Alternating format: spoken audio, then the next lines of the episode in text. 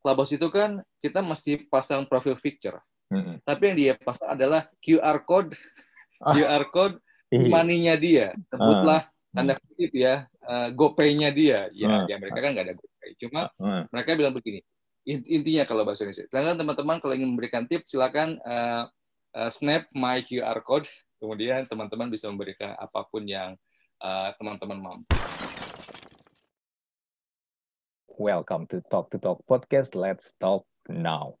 Guest podcast kali ini kita kedatangan seorang yang kalau kalian bekerja atau bermain di industri startup di Indonesia, harusnya sih udah nggak asing lagi dengan sosok ini.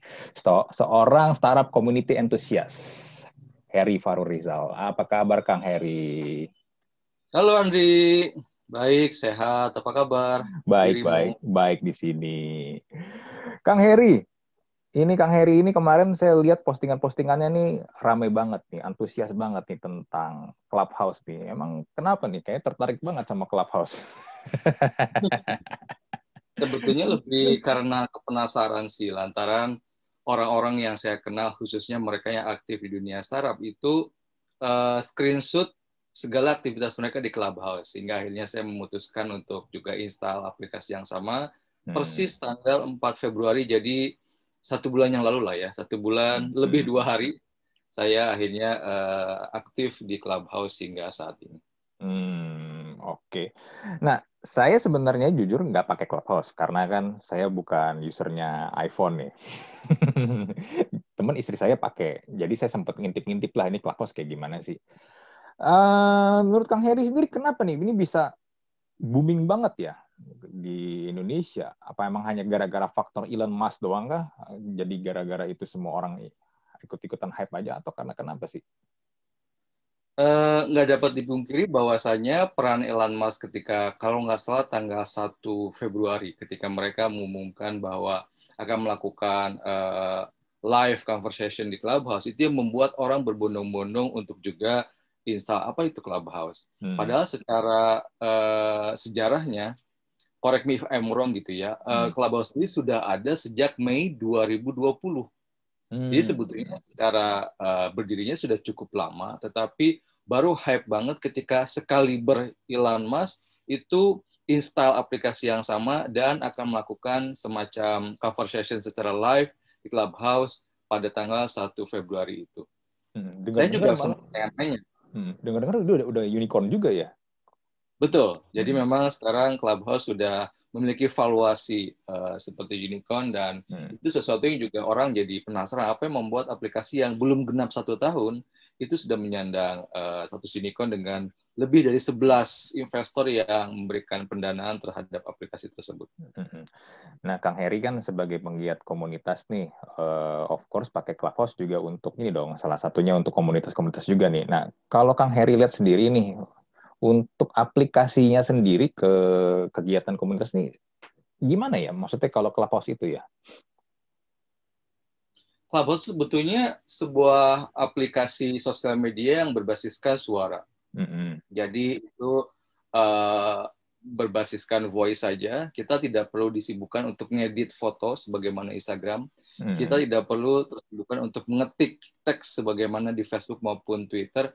Modalnya hanya satu, selama kita berani berbicara, maka kontennya akan ada dengan sendirinya. Jadi konsep Clubhouse adalah seperti itu, sehingga ditawarkan adalah sensasi bagaimana seperti mendengarkan podcast seperti yang uh, Andri sedang lakukan sekarang, Hmm. tapi juga kenikmatan scroll seperti di, di Twitter ataupun Facebook, dan juga seperti mendengarkan para expert ketika berbicara di sebuah konferensi. Jadi mereka memadukan tiga sensasi ini seperti mendengar podcast, tapi masih bisa scroll dan juga masih bisa melihat para expert yang bisa berbagi di aplikasi itu.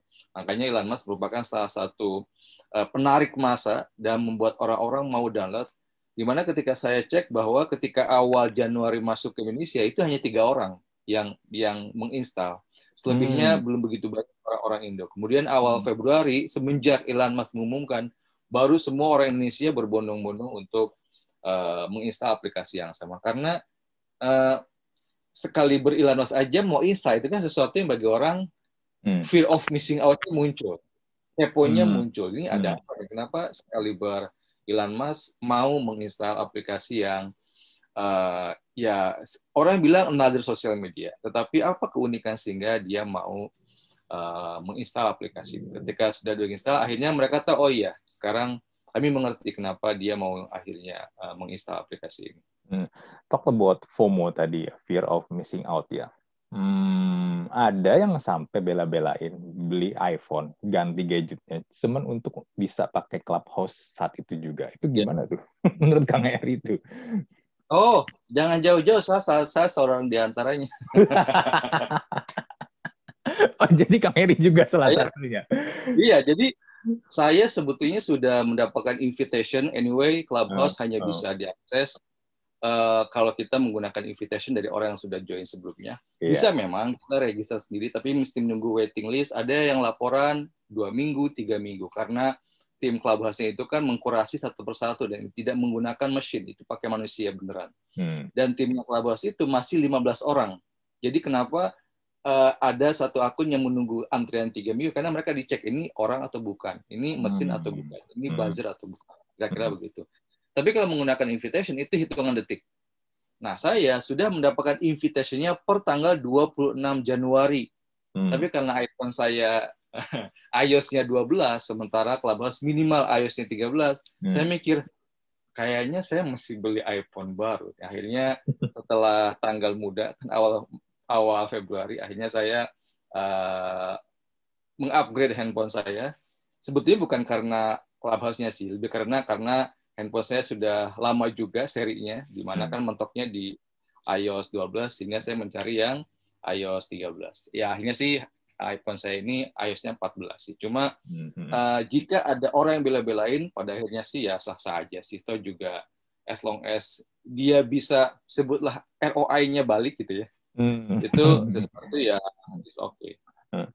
Nah kalau ngomong tentang ROI, gimana caranya dapetin? Gini deh, biasanya kan suatu platform itu tuh akan bisa sustain dan lama itu kan karena kita bisa make money di situ kan nggak bisa dipungkiri itu. Nah kalau misalnya Clubhouse sekarang ya memang hitungannya masih baru. Tapi kalau misalnya kita gini nih mau coba cari celah nih gimana bisa dapetin duit atau jualan di Clubhouse itu gimana ya?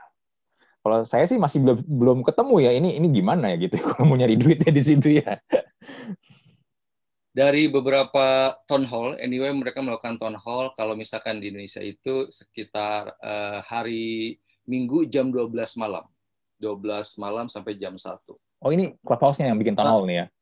Clubhouse-nya, mereka selalu nanti hmm. menggunakan town hall mingguan. Hmm. Dari beberapa town hall yang saya amatin adalah ada salah tiga yang mereka uh, sudah rencanakan untuk model bisnisnya, tetapi dua yang sangat saya ingat. Yang pertama adalah berupa tip jadi ketika ada seorang speaker berbicara, audiens boleh ngasih tip berapapun yang dia mampu. Oh, seratus ribu kayak dua ratus terserah. Yang hmm. kedua adalah ke depannya Clubhouse itu akan uh, membebankan paid room, room yang berbayar. Misalkan room ini yang isi adalah sebutlah uh, Ridwan Kamil gitu ya. Hmm. Maka untuk bisa masuk ke room ini kita mesti bayar dengan sejumlah uh, uang tertentu. Jadi memang hmm. ada tiga dua model bisnis, dua di antaranya adalah berupa tip atau yang eh, kedua adalah berupa uh, paid room. Menariknya adalah di Amerika, sekalipun ini belum diperlakukan, sudah ada beberapa orang yang akhirnya melakukan hal yang sama dengan cara seperti apa. Clubhouse itu kan kita mesti pasang profil picture. Mm-hmm. Tapi yang dia pasang adalah QR code. Ah. QR code iya. money-nya dia. Sebutlah uh. tanda kutip ya, uh, GoPay-nya dia. Ya, uh. di Amerika kan nggak ada GoPay. Cuma uh. mereka bilang begini, intinya kalau bahasa Indonesia. Silakan teman-teman kalau ingin memberikan tips silakan uh, uh, snap my QR code kemudian teman-teman bisa memberikan apa pun yang uh, teman-teman mampu. Jadi di negara maju sudah ada beberapa room kita nyebutnya begitu yang sudah hmm. berbayar dengan cara profil fiturnya dia ganti dengan QR code uh, imaninya dia sehingga orang bebas uh, sebutlah memberikan tip buat dia. Hmm. Itu sih. Kira-kira kalau di Indonesia bisa nggak tuh diterapkan? Uh, saya belum tahu karena kita kan punya mental kalau bisa gratisnya kenapa bayar gitu kan? Iya betul betul betul betul. kan kita bisa ngebajak film kenapa kita langganan Netflix gitu kan? Uh, uh. Masih sebagian dari mentalitas netizen kita. Hmm. Tetapi dari beberapa uh, yang ngobrol sana sini, diskusi sana sini, dan juga saya juga hampir sebulan di Clubhouse itu menyimpulkan ada banyak jenis lain sih dalam hal monetisasi. Contoh, saya punya room itu sudah tanda kutip ya, saya nggak bilang disponsori, tapi sudah ada brand yang masuk untuk kerjasama di mana para penanya itu akan mendapatkan hampers dari brand ini. Oke, dapat hampers. Terus yang kedua hmm. betul. Ada beberapa teman saya yang dia seorang expert di bidang sebutlah financial planner gitu ya. Hmm. Clubhouse itu hanya menjadikan ajang teasernya aja. Endingnya adalah bagi teman-teman yang ingin full workshopnya ikutilah. Nah, ya, jadi ya, betul-betul ya, ya. Hmm. mereka menjadikan Clubhouse merupakan medium promo teasernya saja, tapi full workshopnya itu bisa didapatkan pada paid workshopnya di luar uh, si platform Clubhouse. Karena sampai detik ini Clubhouse belum resmi memperlakukan model bisnis yang tadi saya bahas barusan. Hmm, hmm, hmm, jadi kita masih belum tahu nih ya ke depannya kayak bagaimana ya. Betul. Hmm. Tetapi yang menarik adalah sudah ada beberapa orang yang deal bisnis karena Clubhouse. Contoh, eh, kemarin eh, Pak Andi S. Budiman memberikan testimoni bahwa dia awalnya cerita tentang bagaimana industri perfilman. Hmm. Tiba-tiba, karena kan di Clubhouse kita bisa mencantumkan akun sosial media kita yang lain, khususnya Twitter dengan Instagram. Ada yang nge-DM dia di Instagram. Pak, saya punya lahan nih, bisa buat syuting film. Kita bisa ketemuan nggak untuk membahas kerjasama ini? Jadi, sekalipun clubhouse-nya sendiri belum ada model bisnisnya, tapi sudah cukup banyak testimoni orang-orang yang deal bisnis hanya karena mendengarkan pemaparan expert A, expert B, dan yang lainnya. Hmm. Uh, saya mengamati bahwa clubhouse itu kan ibarat sebuah warung kopi, ketemu teman, ngobrol, kemudian aha, ada untungnya sih. Kan hmm. si pemilik warungnya nggak ngecas pas kita ngobrol. Betul. Yang penting lu datang ke warung kopi, obrolannya apa terserah. Hmm. Nah, itu sudah cukup ada beberapa orang yang merasa deal bisnis hanya karena obrolan tersebut. Di Jepang ini menarik bahwa sudah ada beberapa orang yang akhirnya uh, jual rumah di clubhouse dan akhirnya mereka pada mau beli karena memang harganya mungkin bagi mereka affordable. Jadi uh, kita menjadikan clubhouse akhirnya sebagai warung kopi untuk menginformasikan, mempromosikan dan segala macam. Hmm. Gitu. Uh, iya iya. Uh, tentang warung kopi tadi nih, ini saya setuju sih. Saya pernah ngobrol ya sama temen. Jadi dia bilang begini, vibe-nya clubhouse itu tuh seperti kita lagi nongkrong, tapi ada orang Betul. yang nguping ngedengerin, ya kan? Iya. Yeah. Uh, nah, tapi ini tapi dibilang gini, tapi menurut dia adalah gini eh, kadang-kadang kita suka bablas karena ya kita merasa ini kan sebenarnya vibe-nya karena memang karena kayak nongkrong dan karena audio doang jadi berasa kita kayak lagi ngobrol sama teman lewat telepon. Iya. Yeah. Iya kan? Tapi kita jadi lupa kadang-kadang ada yang ngedengerin nih. Makanya kemarin kan sempat ada yang kepleset kan. Dia ngejelek-jelekin brand dan brandnya orang brandnya lagi ngedengerin dia lagi ngomong. dan dia influencer brandnya itu dan itu juga dan juga yang yang berikutnya adalah begini ada yang juga kemarin sempat bring up tentang banyak CEO CEO startup itu kok ber, dipertanyakan kenapa mereka pernah nongkrong semua di, di clubhouse? Kok nggak kerja? Udah gitu yang kedua adalah saking mereka juga merasa ya ini kayak lagi nongkrong. Uh, ada beberapa hal yang sebenarnya mereka nggak nggak boleh ngomongin tapi akhirnya terucap di situ. Ya untung-untung nggak emang nggak direcord ya. Tapi saya nggak tahu juga apakah ada yang nge atau nggak. Sebenarnya nge itu masih bisa digunakan dengan third party ini kan aplikasi kan.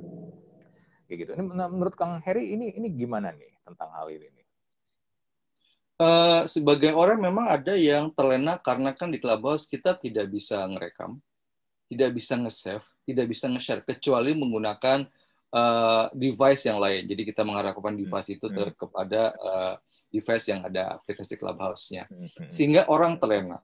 Dan jika ada beberapa orang yang kelepasan, bagi saya justru selama ini Clubhouse masih dianggap tanda kutip aman. Karena apa yang diobrolkan terbuka apa adanya, yang di luar tidak bisa leluasa disampaikan, baik itu di Twitter, Facebook maupun Instagram. Justru di Clubhouse ini banyak informasi-informasi yang saya baru tahu oh ternyata ini begini ya ini begitu ya si X begini ya jadi memang ada sebagai orang yang terbuka tapi memang ada yang kebablasan sehingga ada rahasia-rahasia yang akhirnya keluar ada aib-aib yang akhirnya terungkap dan akhirnya ada juga case yang ketika itu ada influencer yang curhat tentang sebuah brand dan brandnya mendengarkan itu memang pernah menjadi sebuah pembicaraan akhirnya si hmm. brandnya bikin room lagi untuk membuat semacam klarifikasi jadi memang kembali kepada kalau diskusi saya Sabtu lalu, jadi Sabtu lalu itu kan Indonesia dinobatkan sebagai negara yang paling tidak sopan se-Asia Tenggara. Kita ranking 29 iya, iya. dari 32 negara yang diriset oleh Microsoft. Hmm. Sabtu lalu itu akhirnya ada room yang membahas kenapa netizen kita seperti ini. Itu yang di room disebut ada Ridwan Kamil, ada Fafrajur Rahman, beliau merupakan jubirnya Jokowi, hmm. ada Joko Anwar, ada Marshanda, dan seterusnya ada satu poin yang menarik dari Pak Fajul bahwasanya kita memang memiliki kekurangan dalam kewarasan bersosial media. Hmm. Jadi hmm. ketika orang nggak waras, maka dia segala diucapkan, segala dikeluarkan. Padahal sekalipun nggak direkam, sekalipun nggak bisa diset set tapi kan menjaga kata-kata kan di mana pun itu kan harus. Nah ini yang memang uh, saya memahami bahwa kewarasan bermedia sosial di Indonesia itu memang belum sesuatu yang common, bahkan oleh mereka yang sebutlah sudah menjadi levelnya CEO sebuah startup. Jadi uh, bagi saya ini sesuatu yang hmm, semoga tidak terus berlangsung, tetapi kewarasan bersosial media memang salah satu PR yang tengah menggejala di Indonesia di platform mana pun, hmm. nggak di Twitter, Facebook, Instagram, hmm. TikTok dan yang lain. Jadi memang saya melihat bukan karena clubhouse-nya sih, karena netizen kita faktanya memang hmm. dianggap tidak sopan dari sisi hate speech, kemudian juga uh, rasis dan seterusnya. Jadi memang uh, lebih ke kolektifnya masyarakat Indonesia masih memang agak uh, kurang memiliki kewarasan dalam bersosial media sehingga segalanya kelepasan, segalanya diungkap, padahal hmm. ya bagaimanapun, di mana pun platformnya ya dia mesti hati-hati dalam berbicara. Hmm. Begitu kira-kira. Iya, tapi kan bagi biar gimana pun user kita netizen Indonesia itu kan suka sebenarnya dengan hal-hal yang seperti itu kan. Itu jadi makanan buat kita banget itu sebenarnya. Itulah sebab kenapa Clubhouse di Indonesia itu hmm. prime time-nya starting jam 8 sampai jam 12. Iya, benar. Nah, orang tuh menunggu tokoh siapa, duet sama tokoh yang mana, dan siapa. Itu tuh uh, sesuatu yang membuat kami ketagihan karena elemen of surprise di Clubhouse itu membuat orang jadi oke okay, nanti William Tanwijaya sama siapa oke Ridwan Kamil sama siapa oke ini sama siapa pernah waktu Kang Emil Ridwan Kamil awal-awal ke Clubhouse itu pernah masuk ke sebuah room para dokter bedah hmm. dan dokter plastik uh, itu membahas tentang maaf ya pembesaran penis hmm. Hmm. di Clubhouse itu kan kita bisa ngelihat si A lagi di room apa ya saya sebagai warga Jawa Barat kepo dong kok Kang Ridwan ada di ruangan ini. Emang apa yang diopinikan gitu ya sebagai seorang gubernur. Pas saya masuk, oh saya paham bahwa dia ingin merilis uh, apa ya, mungkin ke stresan di kantor dengan tema-tema yang berat sehingga masuk ke room itu. Hmm. Karena saya juga sering melihat orang-orang yang in real life kayaknya nih orang begitu hebat begitu tapi masuk ke room yang yang saya mati hmm, ini rumahnya receh banget ya tapi saya memahami oh justru di Clubhouse itu banyak orang yang uh, ingin mm, membuka sisi lainnya. Hmm. Misalkan beberapa yang lalu uh, saya ada di room psikologi, uh, Pak Mas Aji Santoso Putro, dia seorang praktisi mindfulness. Tiba-tiba ada Reza Rahardian. Saya bingung, Reza Rahadian aktor, ngapain dia di room psikologi gitu ya. Akhirnya hmm. sama Mas Aji sebagai moderator menginvite Reza sebagai speaker. Kemudian ditanya, kenapa? Iya, saya dulu ketika kuliah sebetulnya kalau diizinkan kuliah lagi, pengen kuliah psikologi dan bagi saya room seperti ini tuh seperti uh, memenuhi kerinduan saya untuk mempelajari dunia psikologi. Jadi di Clubhouse saya sering menemukan orang-orang yang justru ingin uh, meluapkan sisi lainnya dengan cara yang lebih apa ya lebih bebas saja karena kan di situ bebas berkata-kata berekspresi. Hmm. jadi sangat sangat mungkin sangat menjenuhkan kalau dia Reza. Join room roomnya tentang bahas film kak. Udah masa hari-hari bahas film ke clubhouse bahas film. Kan hmm. clubhouse itu kayak warung kopi. Betul betul. Jadi betul-betul kadang mencari room-room yang nggak terkait dengan kegiatannya sehari-hari. Gitu sih kenapa hmm. orang-orang akhirnya hmm. ketagihan sekalipun nungguin jam 11 jam 12 karena menanti uh, misalkan ini Ridwan kami mau bahas apa lagi nih? Kayaknya karena jarang sekali kalau dia bahas politik ada lagi topik-topik lain yang juga dia bahas seperti pariwisata dan seterusnya. Hmm. itu sih yang membuat orang jadi uh, ketagihan hingga saya hampir sebulan ini kurang tidur. Karena tidur jam 2, jam 3 karena prime time-nya itu hmm. sangat tak terduga. Misalkan Wisnu Tama tuh seneng banget bikin room jam 10. Hmm. Kalau Wisutama sudah ngomong, itu room bisa ratusan bahkan ribuan. Dan itu nggak sejam dua jam, bisa tiga jam. Bahkan pernah ketika awal Wisutama join, itu sampai jam setengah empat.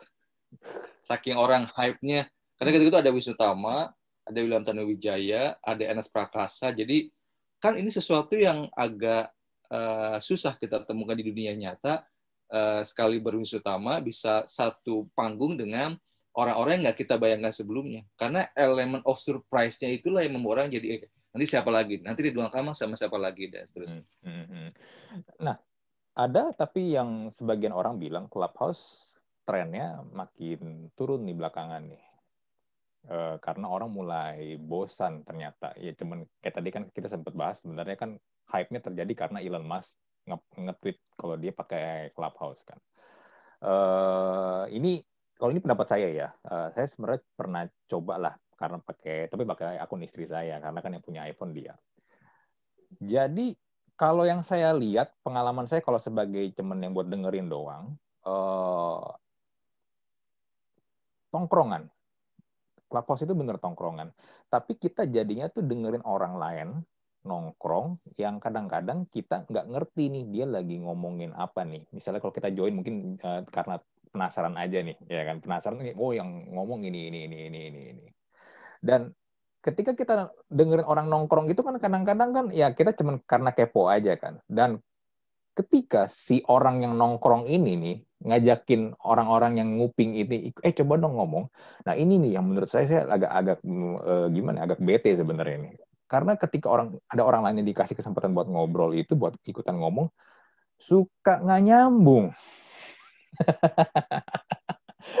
Atau kalau enggak, yang kedua adalah dia suka terlalu banyak apa ya membragging dirinya sendiri gitu loh. Oh saya ini begini begini begini begini. Jadinya kan kadang-kadang mungkin gini. Yang bikin yang bikin room mungkin sebenarnya pengen topiknya yang tadi kayak Kang Heri bilang pengen topiknya sebenarnya santai kan. Topiknya santai receh gitu biar ya biar nggak stres-stres amat lah kan udah se seharian kerja kan. Eh tapi dia tiba-tiba dia dikasih kesempatan buat ngomong, dia ngomongnya yang serius. Nggak nggak nyambung sama ininya. Orang yang lagi empat orang misalnya nih yang yang, yang ini nih yang jadi jadi pembicaranya lagi ngomong bercanda-bercanda eh dia ngomong serius.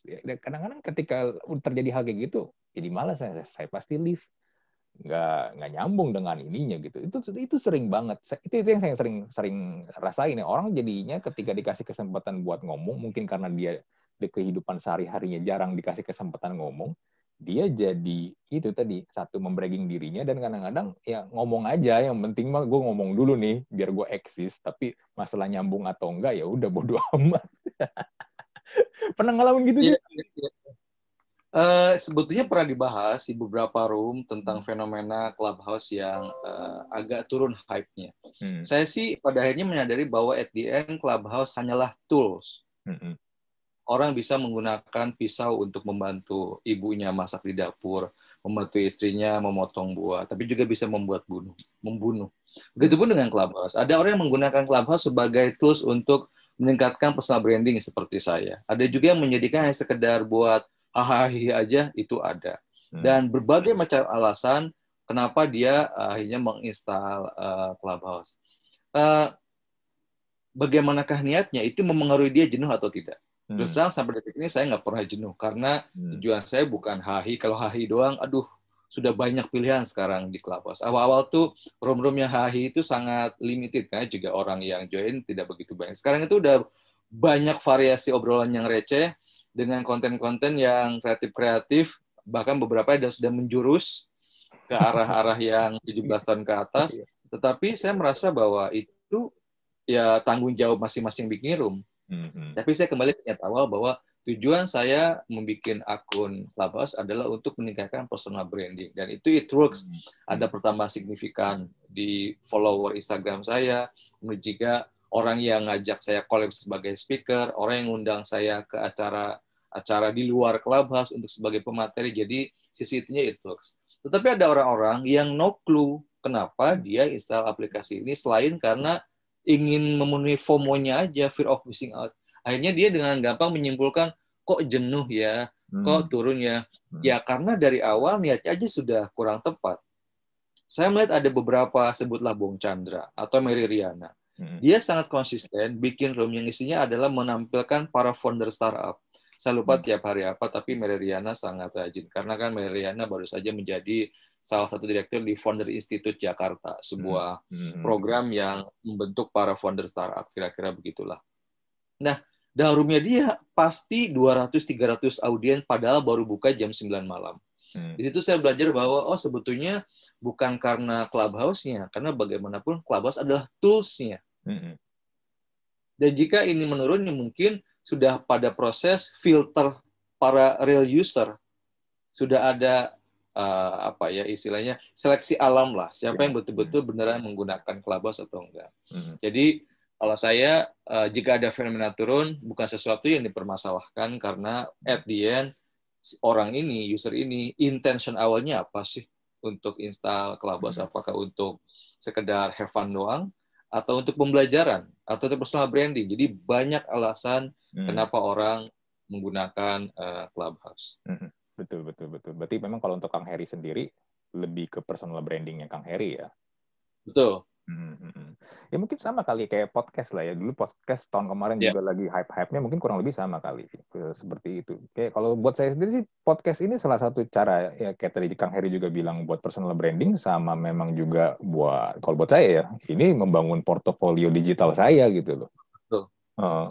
Bedanya kalau Clubhouse itu real time hmm. dan live itu yang kita tidak bisa ngedit setiap kalimat yang keluar begitu saja. Hmm. Contoh hmm, ada beberapa room yang mungkin skill moderasinya kurang bagus. Ketika dia invite audiens sebagai speaker, itu karena list sub speakernya banyak, dia akhirnya sebutlah terabaikan gitu ya sebagai orang yang sudah di invite sebagai speaker. Karena kan di clubhouse hmm. kalau mau speaker mesti raise your hand, kira-kira begitulah ada ada yeah, icon yeah. Iya, iya.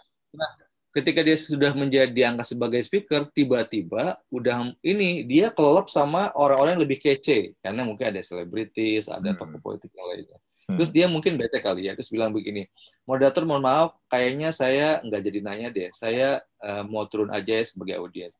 Digini dong sama moderatornya, oh gitu nggak apa-apa kok. Nggak apa-apa men kalau lu moderator yang baik yeah. the reason why you invite them as speaker ya berilah kesempatan buat speak bukan kok lu yang invite dia udah di virtual stage lu juga yang melepas dia tanpa dia berbicara sepatah dua patah kata pun jadi hmm. Hmm. saya melihat masih ada orang-orang yang belum ngerti how to use uh, clubhouse properly and wisely makanya saya punya room berpromosi juga setiap Selasa malam itu hmm. membahas how to use Clubhouse untuk pemula. Jadi hmm. itu setiap jam setengah delapan sampai setengah sepuluh hmm. kita membuka bagi siapa pun yang belajar mau belajar Clubhouse bagi pemula karena di negara-negara lain tuh mereka sudah ada Welcome to Clubhouse Amerika lah hmm. Inggris lah dan mereka menerangkan bagaimana menggunakan Clubhouse. Nah ini versi bahasa Indonesia nya karena saya melihat bahwa orang karena hanya FOMO doang, hanya hmm. karena ikut-ikutan, jadi nggak ngerti ini ini kalau ibarat ini ya. Ini pisau pisau tuh buat apa? Hmm. kalau buat ngebunuh ya akan membuat jiwa kita akan meronta-ronta karena itu salah gitu. Tapi kalau misalkan untuk membantu ibu motong sayuran di dapur ya itu bisa membuat lu bahagia. Kira-kira gitulah itu membuat saya kenapa tidak jenuh. Karena saya tahu pisau ini digunakan buat apa. Saya tahu bagaimana kelabas ini saya optimalkan. Dan so far itu it works Hmm, betul sih. Kalau tentang moderator ya, eh, moderator itu memang sangat krusial banget sih kayak di Clubhouse atau mungkin juga kayak di podcast ini eh, sebagai podcaster yang hostnya. Buat saya kalau udah yang ngomong lebih dari tiga orang itu biasanya nggak efektif tuh. Berebutan ngomong semua. Apalagi kalau Clubhouse itu kan bedanya gini. Kalau mungkin kalau kita podcast gini ya Kang ya, mungkin saya masih eh, bisa ngomong misalnya dua orang gitu, eh, satu lagi ada yeah. orang lagi misalnya nih sama Kang Heri Uh, coba mungkin Kang Heri pendapatnya gimana? Yang satu lagi bisa bisa kasih kesempatan dia untuk uh, jangan ngomong dulu nih. Tapi kalau di clubhouse itu kan agak susah ya ngontrolnya ya, karena orang kalau mau ngomong tinggal ngomong aja kan. Nah kalau saya lihat kalau yang ngomong ini udah lebih dari tiga orang nih, itu biasanya tuh wah riuh banget tuh. pusing jadinya. Apalagi kalau udah lebih dari uh, kayak tadi Kang Heri bilang udah sampai berbanyak lebih dari 10 orang yang dikasih kesempatan buat ngomong. Aduh, itu udah deh jadi kayak pasar deh itu. Dan moderatornya harusnya bener sih kata Kang Heri tadi, nggak boleh kayak begitu. Itu bisa melukai perasaan orang itu banget. itu persis dibahas semalam uh, ketika ada salah seorang speaker yang curhat bahwasanya dia pernah ke sebuah room, speakernya 37 orang. yang oke, okay, ini pertimbangan moderator mengundang 37 orang ke virtual set itu apa ya? Mm-hmm. Ini yang saya kembali kepada bahwa orang masih belum paham bagaimana menggunakan clubhouse. Saya bisa memahami, toh juga di Indonesia ya sebutlah baru satu bulan setengah inilah hmm. orang-orang berbondong-bondong. Tetapi apesnya ketika berbondong-bondong itu nggak mau belajar sehingga seolah-olah ah jadi moderator mah gampang enggak. Hmm. Di room-room luar negeri itu ada kelas how to be good moderator.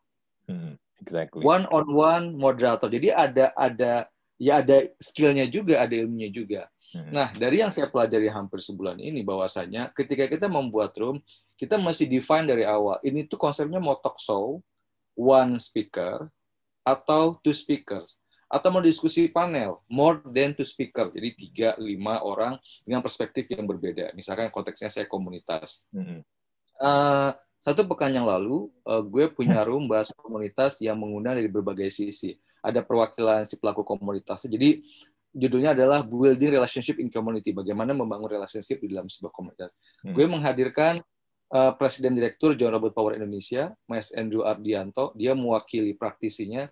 Terus gue menghadirkan perwakilan komunitas yang gue anggap sehat relationship-nya, yaitu Startup Bandung Community, which is itu startup yang gue jadikan juga. Hmm. Terus gue menghadirkan Kenny, kalau Kenny mewakili uh, bukan komunitas, tapi di komunitas profit kira-kira gitu lah. Jadi ada berbagai perspektif.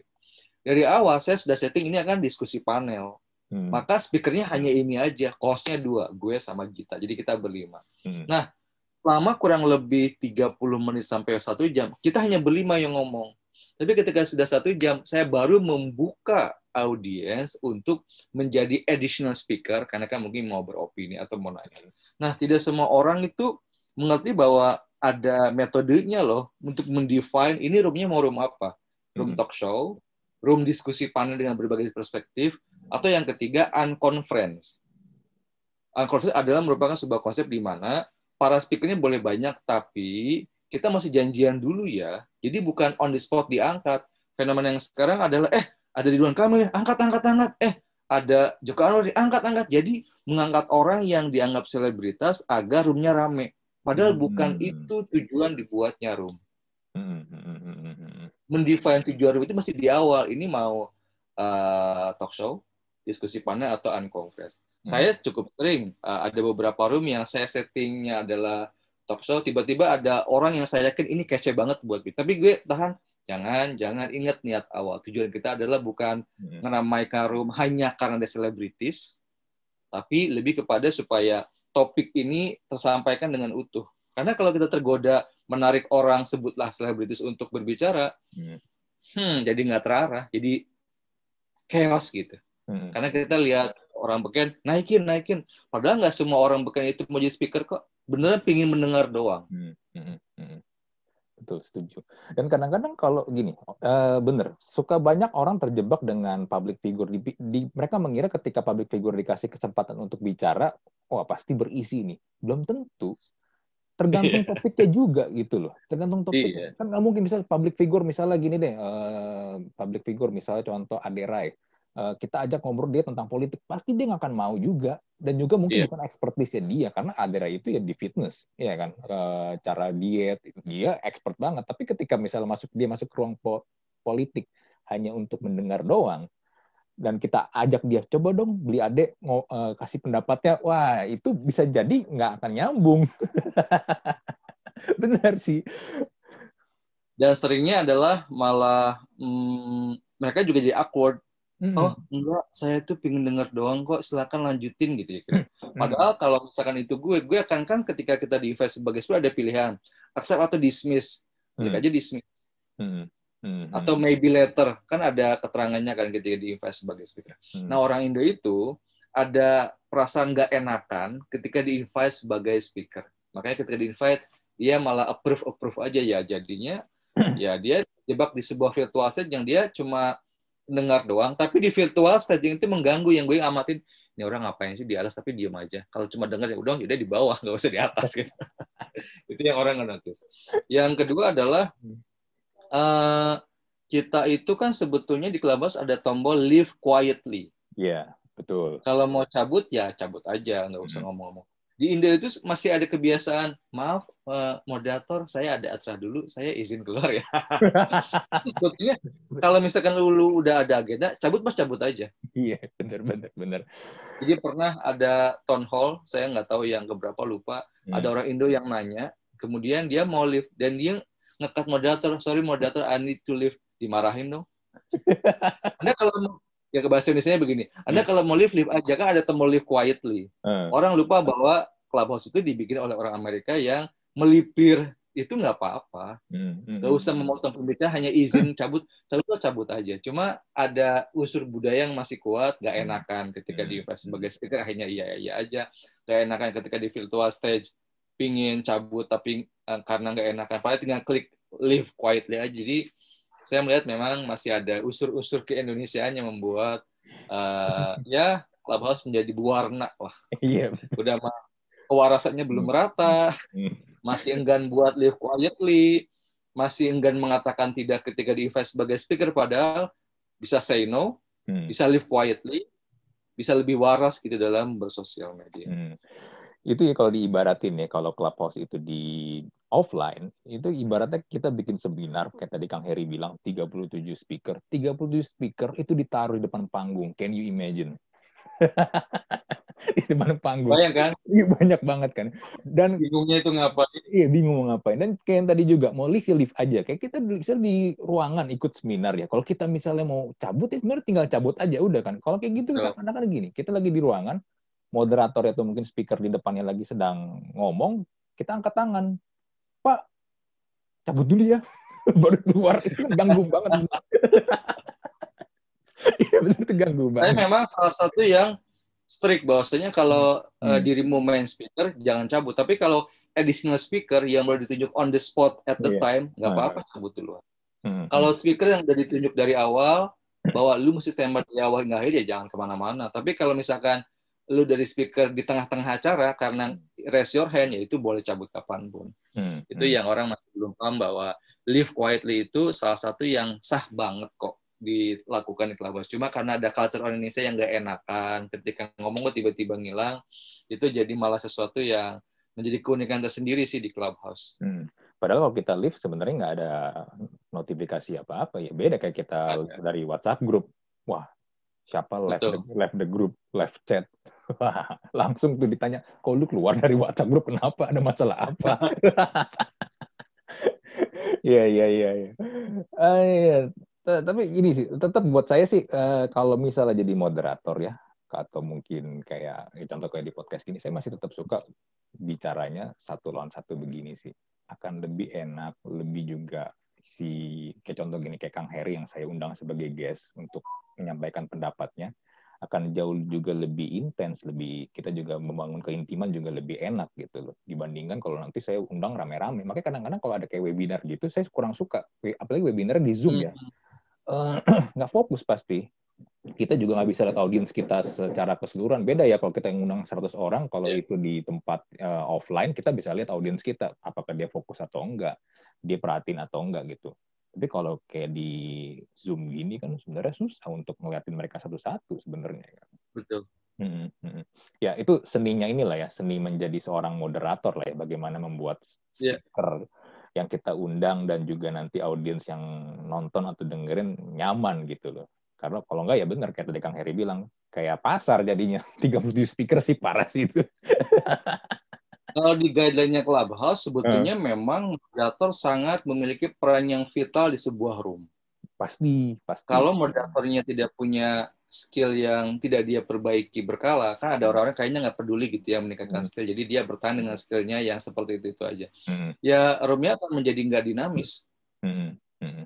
Betul. Jadi bagi saya menjadi atau moderate sebuah pembicaraan gitu ya, Mm. itu sebetulnya learnable skill banget sih. Cuma ini kembali ke orangnya, apakah dia mau belajar improve their moderating skill atau enggak itu yang eh, pertanyaan selanjutnya sih. Cuma saya mengamati masih banyak moderator di Clubhouse yang mm, belum mau mengupgrade ilmu moderatornya sehingga stuck di kemampuan yang begitu-begitu aja sehingga itu membuat aduh sayang banget ya aduh Mm. pernah ada sebuah room yang moderatornya tiga, dan itu udah chaos banget pesertanya pembicaranya sudah lebih dari 20 orang dengan berbagai profesi politik, hmm. uh, entrepreneur segala macamnya.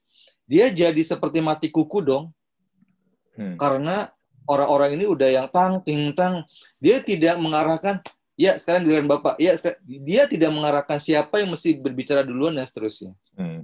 Hmm. Jadi siapa yang duluan nyalain mic-nya, maka dia yang berbicara padahal tugas moderator adalah mengarahkan setelah ini Bapak, kemudian X, kemudiannya, kemudian. Jadi ditata supaya jatahnya itu bergilir.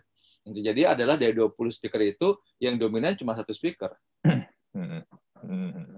Jadi, Makanya saya pernah ditanya sama uh, moderator lain, gimana cara Kang Heri mengkat bicara supaya tidak uh, terlalu mendominasi atau terlalu sebutlah banyak berbicara. Sebutnya simple. Di Clubhouse itu kan ada peraturan untuk ngeriset room per hmm. 10 hingga 15 menit. Hmm. Kalau saya menggunakan momentum itu untuk mengkap misalkan. Mas Andi, mohon maaf, sudah 10 menit kita akan ngereset room dulu ya.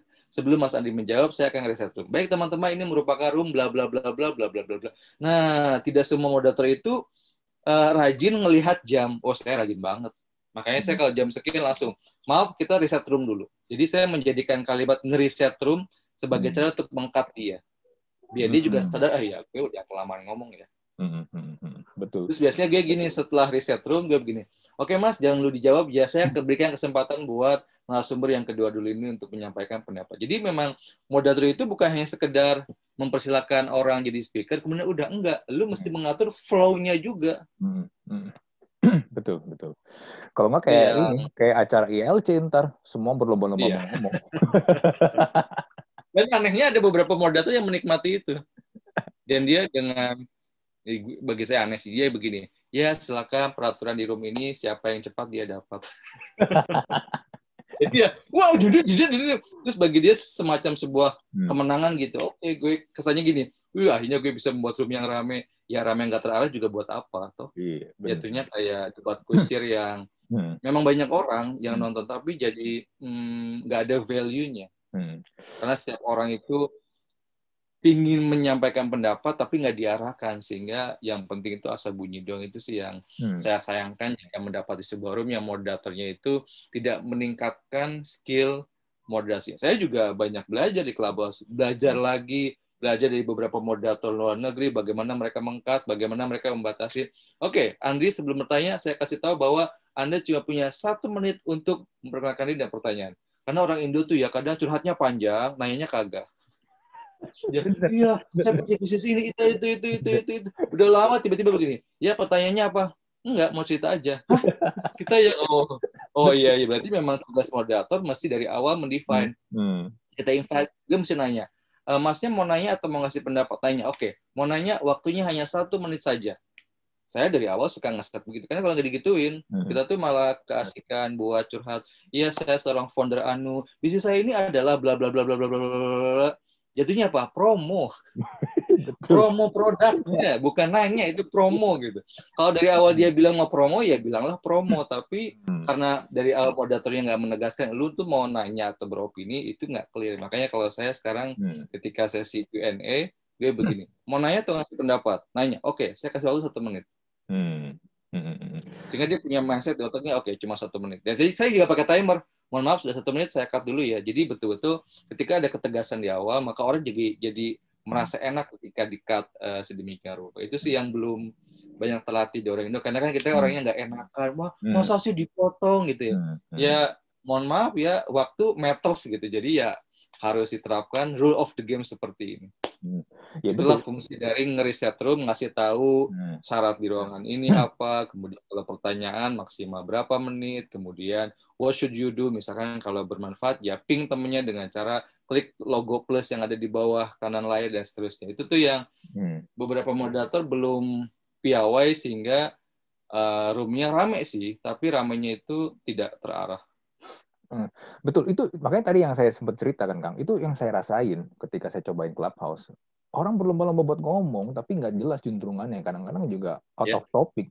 Makanya kadang kalau kayak udah gitu saya jadi bete kan. Udah mending leave aja. Udah gitu dengerinnya malam-malam lagi. Jadinya kan jadi nggak nggak dapat nggak dapat faedahnya gitu loh. Kayak cuma ngedengerin orang buat saling apa ya, saling menunjukkan dirinya aja jadinya kan.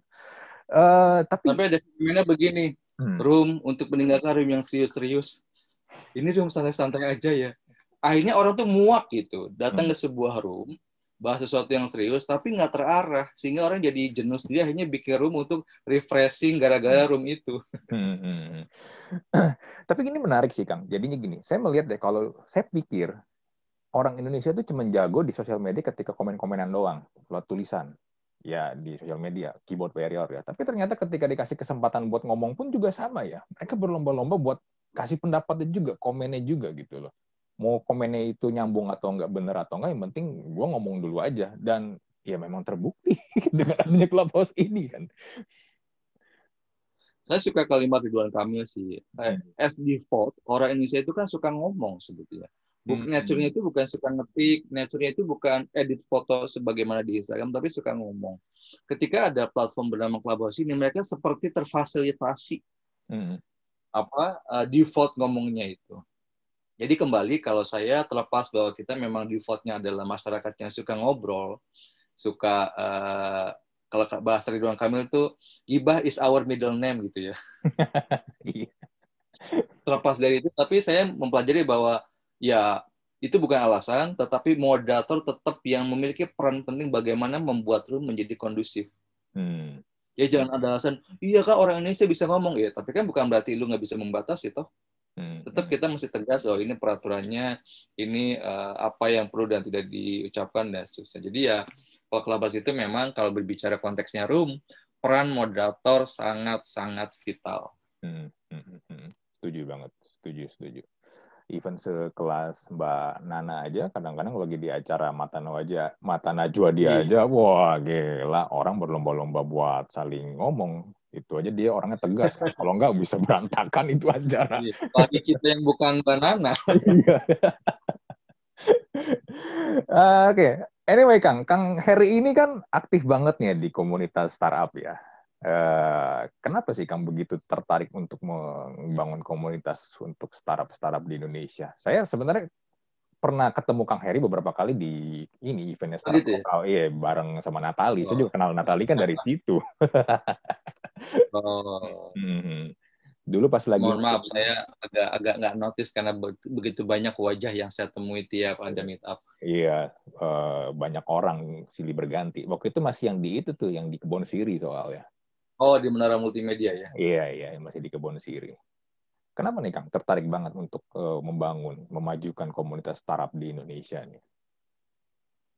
Mungkin karena uh, secara awal gue memang suka tertarik dengan how to develop people gitu ya, hmm. how to connect people. Karena kan dulu saya juga kuliah di psikologi, hmm. sehingga sesuatu yang berkaitan dengan how to maximize potensi manusia, how to develop people itu sesuatu yang interesting buat saya. Hmm. Ketika 2010 eh, gue join ke komunitas startup lokal waktu itu masih zaman mailing list Yahoo. Ah, Yahoo. Ah, ya, ya. Saya melihat bahwa ini menarik ya, sekumpulan anak muda yang mendalami dunia digital startup yang saat itu sangat baru banget. Kemudian lama-kelamaan saya ngamatin, oh, kayaknya gue mau deh sebagai volunteernya. Kemudian hmm. 2013 gue menjadi volunteer startup lokal hingga sekarang. Yang semakin menarik adalah gue punya peran yang pas yaitu sebagai seorang uh, seperti ini public speaker, MC hmm. ketika ada acara startup lokal, moderator yang lainnya. Jadi memang inline dengan uh, ya talent saya sebagai seorang yang memang menyukai public speaking. Hmm. Jadi berawal dari sana memang defaultnya memang saya menyukai how to develop people dan ketika ada platform bernama komunitas saya merasa ini merupakan salah satu medium yang tepat untuk mengeksplor lebih lanjut. Yang kedua adalah bahwa ketika itu kan ekosistem startup masih relatif muda, nggak seperti sekarang yang sudah bermunculan uh, unicorn, bermunculan venture capital. Ketika itu masih hanya orang-orang tertentu, hanya kota-kota tertentu, dan juga tidak semua orang bisa sebutlah mendirikan startup. Dan hmm. saya merasa bahwa dengan potensi Indonesia yang begitu banyak, kenapa enggak kita menyamaratakan potensi ini ke seluruh Indonesia. Dan gue sangat berterima kasih ketika 2017 Telkom melamar gue, gue nggak ngelamar, melamar gue hmm. untuk menempati posisi yang belum pernah ada dalam sejarah Telkom yaitu digital startup and community engagement. Ketika hmm. saya tanya, why do you choose me as the one yang menempati posisi yang belum pernah ada di Telkom? Mereka bilang bahwa Harry orang yang tepat. lu udah punya pengalaman di startup lokal. Ketika itu 2017, gue startup lokal 2013, jadi sudah empat tahun. Terus juga gue mendirikan startup Bandung Community 2015, berarti 2017 waktu join Telkom itu sudah dua tahun. Hmm. Dan gue juga pernah mendirikan komunitas khusus startup edukasi.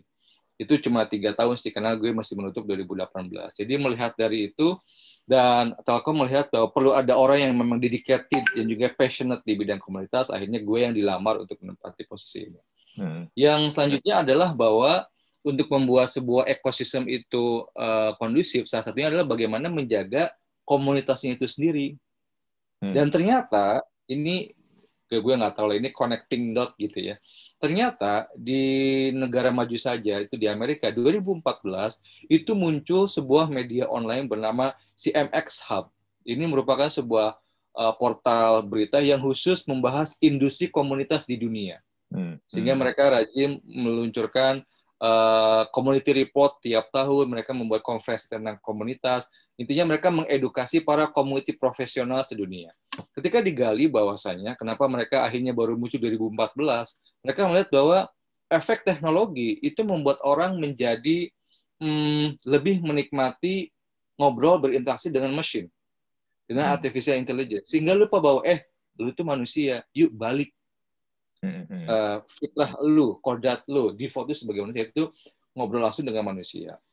Kalau di negara maju konteksnya adalah kenapa akhirnya muncul fenomena media ini, kemudian berkomunitas yang sangat gencar karena pertama efek teknologi membuat orang jadi lebih selfish. Efek teknologi membuat orang jadi terdistraksi sehingga nggak mau bergaul sesama manusia. Dan mereka percaya bahwa komunitas merupakan medium yang tepat untuk memanusiawikan kembali sisi kemanusiaan kita sebagai manusia. Itu yang pertama. Yang kedua adalah di negara maju sudah muncul epidemi, bukan pandemi ya, epidemi loneliness. Hmm. Jadi orang-orang kesepian ya karena mereka sudah menikmati ngobrol di sebutlah di instant messaging, sudah merasa cukup nonton hiburan di YouTube, jadi ngapain ketemu orang? Sehingga orang-orang jadi jadi alone dan bagi sebagian malah eh, kesepian akut yang itu membuat hasil risetnya bahwa orang yang kesepian akut itu bisa rentan bunuh diri ketimbang mereka yang mohon maaf bukan pembenaran merokok 12 batang sehari. Hmm. Dan 2018 untuk pertama kalinya dalam sejarah dunia uh, Perdana Menteri UK menunjuk satu menteri bernama Menteri Kesepian. Karena di UK itu hampir 80 persennya adalah penduduknya itu mengalami kesepian akut. Dan ingat, orang yang kesepian akut itu cenderung ingin bunuh diri lebih tinggi ketimbang mereka yang merokok 12 batang sehari. Hmm. Nah, maka kenapa saya mengerti bahwa eh, tujuh tahun silam 2014 media ini muncul karena fenomena-fenomena kemanusiaan kita itu mulai terkikis itu ya salah satunya adalah impact dari disrupsi teknologi yang sangat sophisticated. Jadi hmm. saya paham, oh ternyata tingginya digital startup, berkembangnya ekosistem digital itu menggerus sisi kemanusiaan kita sehingga kita jadi enggan untuk berkomunikasi dengan sesama manusia. Itulah fungsi komunitas di mana yuk kita sama-sama ketemu lagi secara fisik sama manusia. Yuk, mari kita sama-sama mendengarkan bagaimana manusia berbicara, berkomunikasi dan yang lain. saya merasa bahwa ini relate sekali dengan sejarah saya juga pernah kuliah di psikologi, saya juga orangnya suka connecting people. Jadi memang semua itu seperti sudah ada yang oh ya ini connecting dot oh ya ini connecting dot. Oh ya jadi memang sudah ada rangkaian yang seperti memang momentumnya pas sih. Hmm, hmm, hmm. nah kalau ngomong tentang teknologi tadi ya Kang Heri kan sempat mention orang makin kesepian karena teknologi ya. Hmm, gimana ya? Mungkin karena saya kelahiran 80-an, tapi buat saya begini, saya sih kalau misalnya untuk berkomunikasi ya, saya masih lebih enjoy itu ngobrol langsung kayak begini nih. At least biarpun kita mungkin nggak ketemu secara fisik ya, tapi yeah. ketika kita ngobrol, kita berkomunikasi, kita mengeluarkan kata dan kalimat, itu saya masih jauh lebih enak dibandingkan texting. Texting itu menurut yeah. saya ya, hmm, satu saya satu gini, saya malas ngetik, saya malas ngetik satu. Terus yang kedua, kata-kata yang ada di message uh, message itu aplikasi itu WhatsApp atau apa pun itu itu kadang-kadang kan uh, suka ditangkapnya berbeda sama orang yang membaca. Yeah. tergantung mood dia. Mungkin kita sebenarnya ketika santai tapi ketika mood dia lagi jelek dia menganggap ini orang kok kayak lagi marah sama gua nih atau nggak seneng nih. Seakan-akan kata-kata itu ada ada nada. Ya buat saya gimana ya? Itu nggak nggak nggak nggak bisa ngelihat ekspresi muka dan ke ngelihat emosi orang itu buat saya itu nggak enak sih ya. Tapi saya nggak tahu sih. Tapi apalagi kalau saya ngelihat anak-anak milenials yang usia di bawah saya atau lagi Gen Z, uh, mereka tuh sangat-sangat ini banget, uh, edik banget sih dengan gadget ya. Susah buat ngelepasin mereka. Saya sih nggak tahu nih apakah dengan peran komunitas kan tadi Kang Heri juga sempat mention nggak hanya komunitas startup juga kan komunitas yang lain pun Kang Heri juga sedang bangun kan. Apakah komunitas ini benar-benar bisa membantu nggak sih? Apalagi gadget ini kan masif banget dan salah satu juga masalah kenapa orang edik sama gadget karena ya nggak bisa dipungkiri juga ketika kita main sosial media kita post ada yang nge-like atau kasih komen yang bagus-bagus itu kan sangat-sangat mem, ini ya men-trigger hormon endorfin kita supaya dia makin lama makin ini kita jadi puas kita jadi makin seneng gitu supaya walaupun sebenarnya kesenangannya kesenangan yang semu sih What do you think about? Uh, ini yang agak challenging di Indonesia. Hmm. Indonesia itu kalau kita membuat komunitas dengan isu loneliness, kita nggak ada isu loneliness. Kita defaultnya merupakan negara komunal. Hmm. Nah, negara kita yang punya falsafah mangan orang mangan yang penting kumpul. Hmm. Nah, negara kita yang punya falsafah gotong royong. Hmm. Nah, negara kita yang memiliki aktivis bernama arisan. Hmm. Negara maju mana ada istilah arisan di mana orang tiap bulan ngasih duit tapi tanpa ada hitam di atas putih kemudian digilir sampai setahun kan hmm. kesannya konyol ya tapi Indonesia itu memang defaultnya sudah komunal hmm. jadi kalau kita membuat komunitas dengan isu sedang ada epidemi kesepian itu kan di Amerika itu kan di Eropa Indonesia hmm. tuh nggak ada, belum ada saya nggak mengatakan ya belum ada epidemi kesepian atau loneliness akut karena memang kita dengan gampang bisa berkenalan dengan orang kita bisa ber, gampang bertemu dengan orang sebagai tempat ibadah, lagi belanja di tukang sayur yang lagi jalan, di warteg dan yang lainnya. Di negara maju, trust isi itu sangat tinggi. Kenalan hmm. dengan strangers, kemudian make a friend itu sangat sesuatu yang di avoid, dihindari. Tukeran hmm. nomor handphone itu nggak sembarangan. Makanya mereka kalau komunikasi tidak menggunakan WhatsApp, tapi menggunakan email. Hmm. Dari berita yang saya baca bahwa orang Amerika sendiri jarang menggunakan WhatsApp karena mereka sangat menjaga privasi.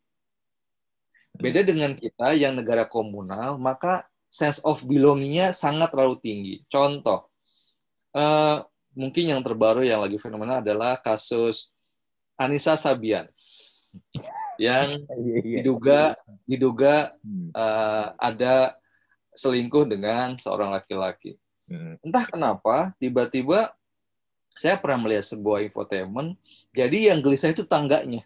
Jadi tetangganya meminta supaya Nisa Sabian memberikan pengakuan.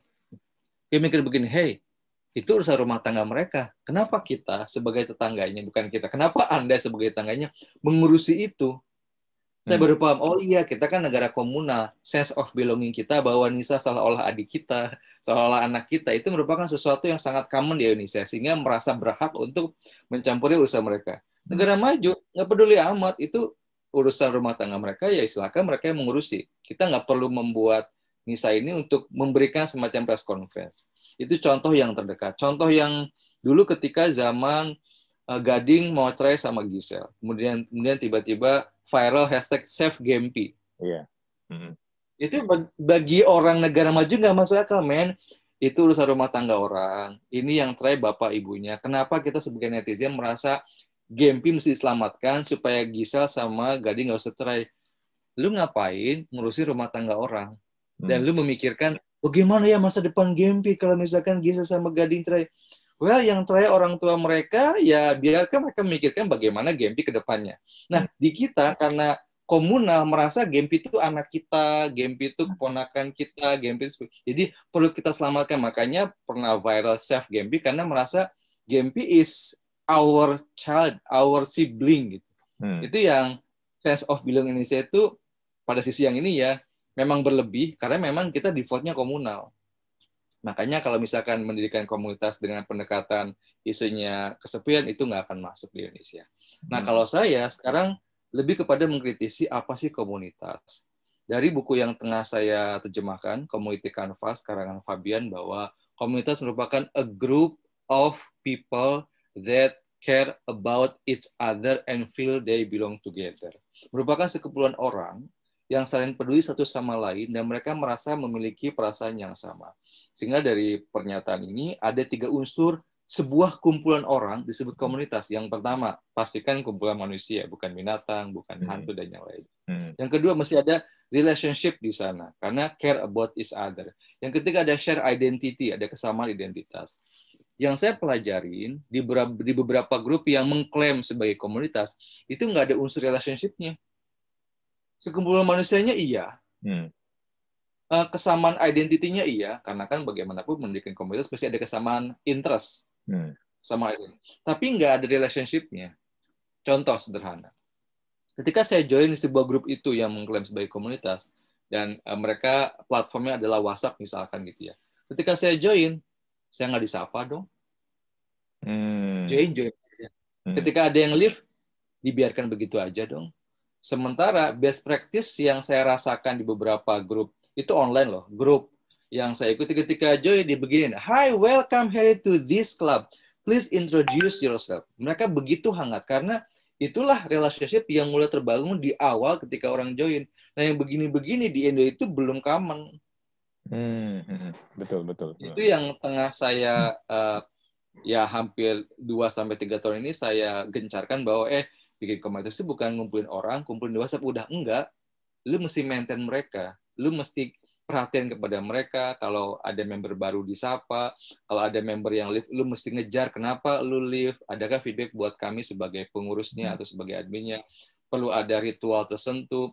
Makanya kenapa saya translate bukunya dia Community Canvas karena Community Canvas itu merupakan kerangka berpikir dalam mendirikan komunitas. Yang ketika saya pelajarin, wow ternyata uh, teman-teman kita di Indonesia mendirikan komunitas belum pakai kanvas.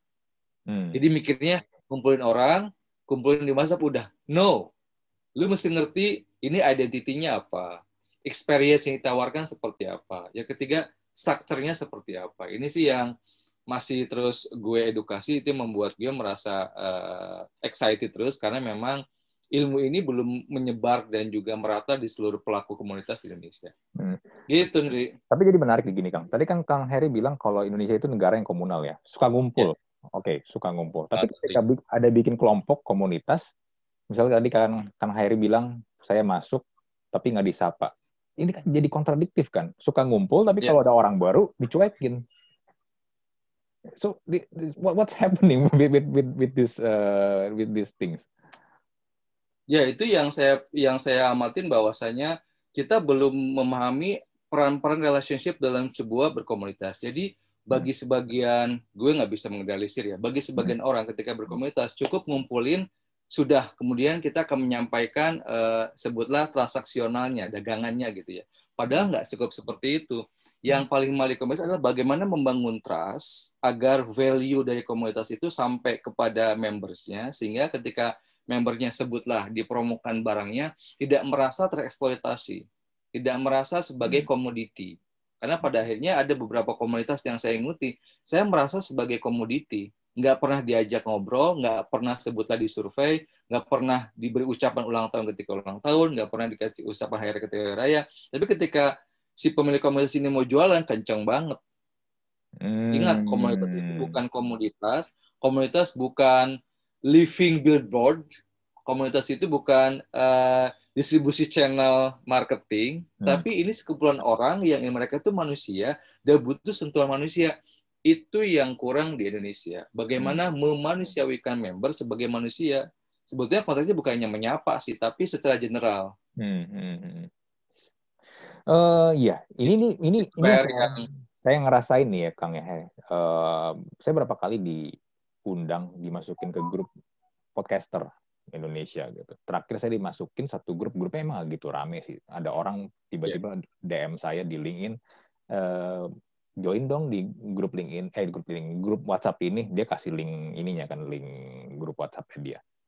Saya nanya, ini grup apaan? Oh ini grup ini para podcaster. Jadi nanti kita bisa saling ngobrol, saling share di situ. Ya udah, saya masuk dong. Saya masuk, ya tapi nggak ada apa-apaan. Dan ternyata isinya tuh nggak apa. Eh, orang cuman saling mempromokan linknya doang aja. Link podcastnya dia di situ. That's it. Itu yang saya maksud tidak adanya relationship. Seolah-olah Hmm. platform yang dibangun Hmm. entah itu WhatsApp, Telegram, Facebook, hanya sebagai distribusi channel promosi mereka. Nggak gitu, men.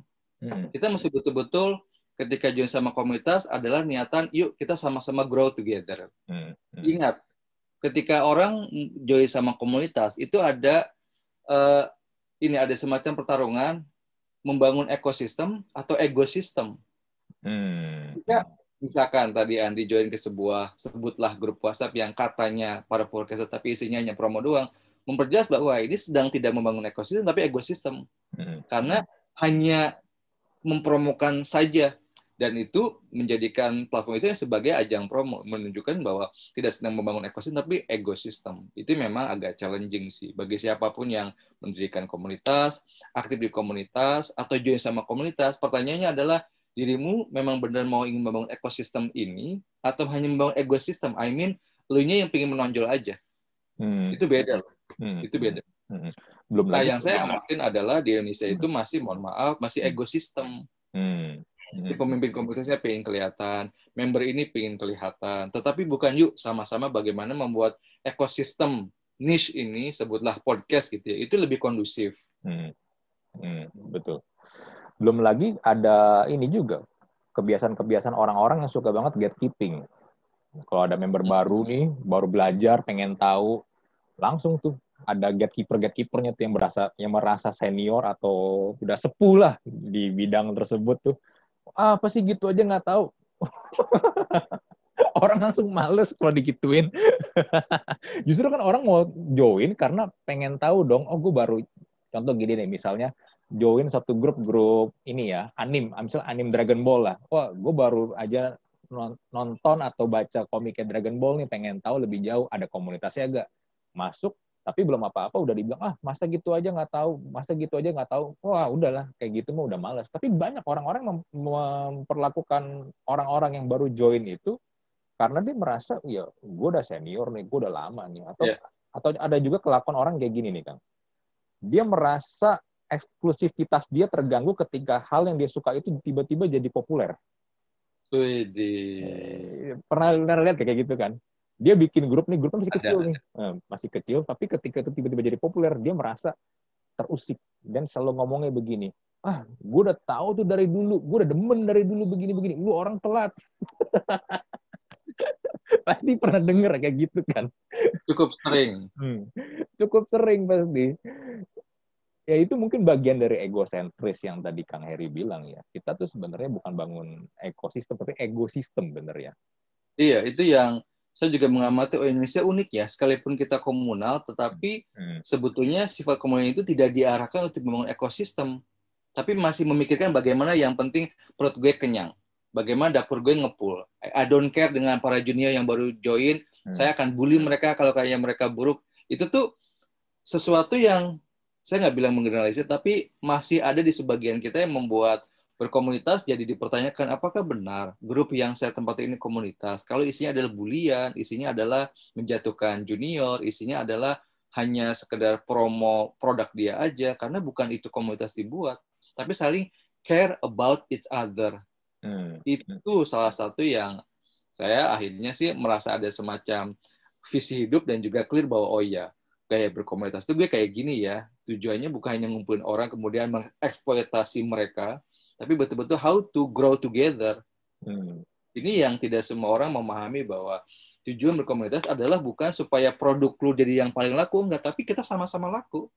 Hmm. Betul. Kita sama-sama bertumbuh. Nah, perasaan ini yang memang agak kontradiktif kalau misalkan tadi Andi bilang memang kita komunal tapi memang masih terlalu transaksional. Hmm. Hmm. Anggap ya, Hmm. komunal tapi padahal eh, komunalnya sudah benar tapi transaksional ini mesti agak diturunkan. Hmm. Hmm. Hmm. Hmm. Misalkan kita join komunitas, it's okay kalau misalkan produk kita nggak gitu laku ketimbang member yang lain. Karena kan kita membangun ekosistem bukan ekosistem. Hmm. Faktanya adalah ada beberapa sebutlah saya pernah di sebuah grup WhatsApp isinya para founder startup, produk sebutlah ada industrinya sama-sama sama games gitu ya. Ketika games kompetitornya itu maju, dia live dong. Live grup itu. Padahal kalau dia membangun ekosistem, mestinya senang dong. Ada yang lebih sukses duluan. Tetapi kan hal ini kan perlu kedewasaan yang sangat tinggi. Menerima kompetitornya lebih sukses ketimbang dia. Itu kan sesuatu yang kurang Indonesia banget gitu. Kita kan punya eh, SMS, senang melihat orang susah. Hmm. Susah melihat orang senang. Jadi memang saya mikir gini, oh kita punya default yang sudah bagus, komunal, tetapi masih transaksional. Hmm. Itu yang sedang saya uh, pikirkan formulanya gimana supaya caranya uh, itu balance gitu. Karena yang saya amatin di best practice yang luar negeri itu komunalnya kalau mereka nggak default, mereka masih by design. Karena kan negara mereka by default bukan negara komunal. Mereka hmm. by design komunalnya, tapi transaksinya juga tetap ada. Itu yang membuat saya belajar, oh ternyata ada formulanya ya dan hmm. mesti di-adjust karena kan tiap negara punya culture-nya beda-beda. Karena ya kita nggak bisa menyamaratakan formula yang sama juga works di negara yang lain. Hmm. Nah, startup, gitu. Ya, startup-startup sendiri nih ketika mereka berkumpul dalam suatu komunitas, sebenarnya apa sih yang mereka cari kalau Kang Heri lihat nih? banyak faktor sih. Hmm. Uh, kalau Biasanya. kita konteksnya adalah uh, kita ngambil riset aja ya, riset 2017 hmm. ini risetnya secara community industri di dunia. Bahwasanya ada enam alasan kenapa seseorang join sama komunitas. Disebutnya hmm. adalah community business value. Hmm. Ada orang yang join sama komunitas, uh, gue nggak akan nyebutin semua. Salah satunya adalah karena butuh support system. Hmm. Begitupun ada founder startup yang jadi sama komunitas karena butuh support system karena menjadi founder startup itu sesuatu yang nggak mudah. Hmm. Lu berhadapan dengan industri yang relatif baru di Indonesia. Ya baru 11 tahun kan baru tahun 2010 baru 11 tahun, hmm. tetapi per, percepatan perubahan teknologinya sangat tinggi. Itu membuat mereka butuh uh, sekumpulan orang-orang yang punya sebutlah nasib yang sama yaitu sama-sama di ekosistem startup digital. Jadi ada yang jadi sebuah komunitas karena memang tujuannya untuk menjadi support system. Yang kedua, ada yang join sama komunitas. Tujuannya adalah agar ada uh, engagement dengan yang lain. Sekedar ingin ada engagement aja dengan sesama member yang lain. Sebetulnya ada enam, tapi hmm. yang saya amatin, uh, yang paling banyak kenapa orang join sama komunitas startup, khususnya para founder, karena memang membutuhkan support system supaya ada sekumpulan orang yang sama-sama memahami bagaimana cara dia berpikir. Lantaran nggak sedikit keluarganya itu nggak ngerti ini industri apa sih. Kalau di rumah aja dapetin duit, lu miara tuyul kan disangkanya kan begitu. Lu hmm. uh, ngapain sih depan laptop doang kok bisa menghasilkan ratusan juta? Emang lu penipu. Jadi masih mispersepsi yang masih banyak di culture kita sehingga mereka hanya mencari tempat yang yuk pahamilah kerjaan gue memang di rumah tapi halal kok. Kerjaan gue teknologi memang nggak mesti keluar rumah tapi tetap menghasilkan jadi hmm. uh, mendapatkan support system merupakan salah satu alasan kenapa para founder startup mau join dengan sebuah komunitas startup.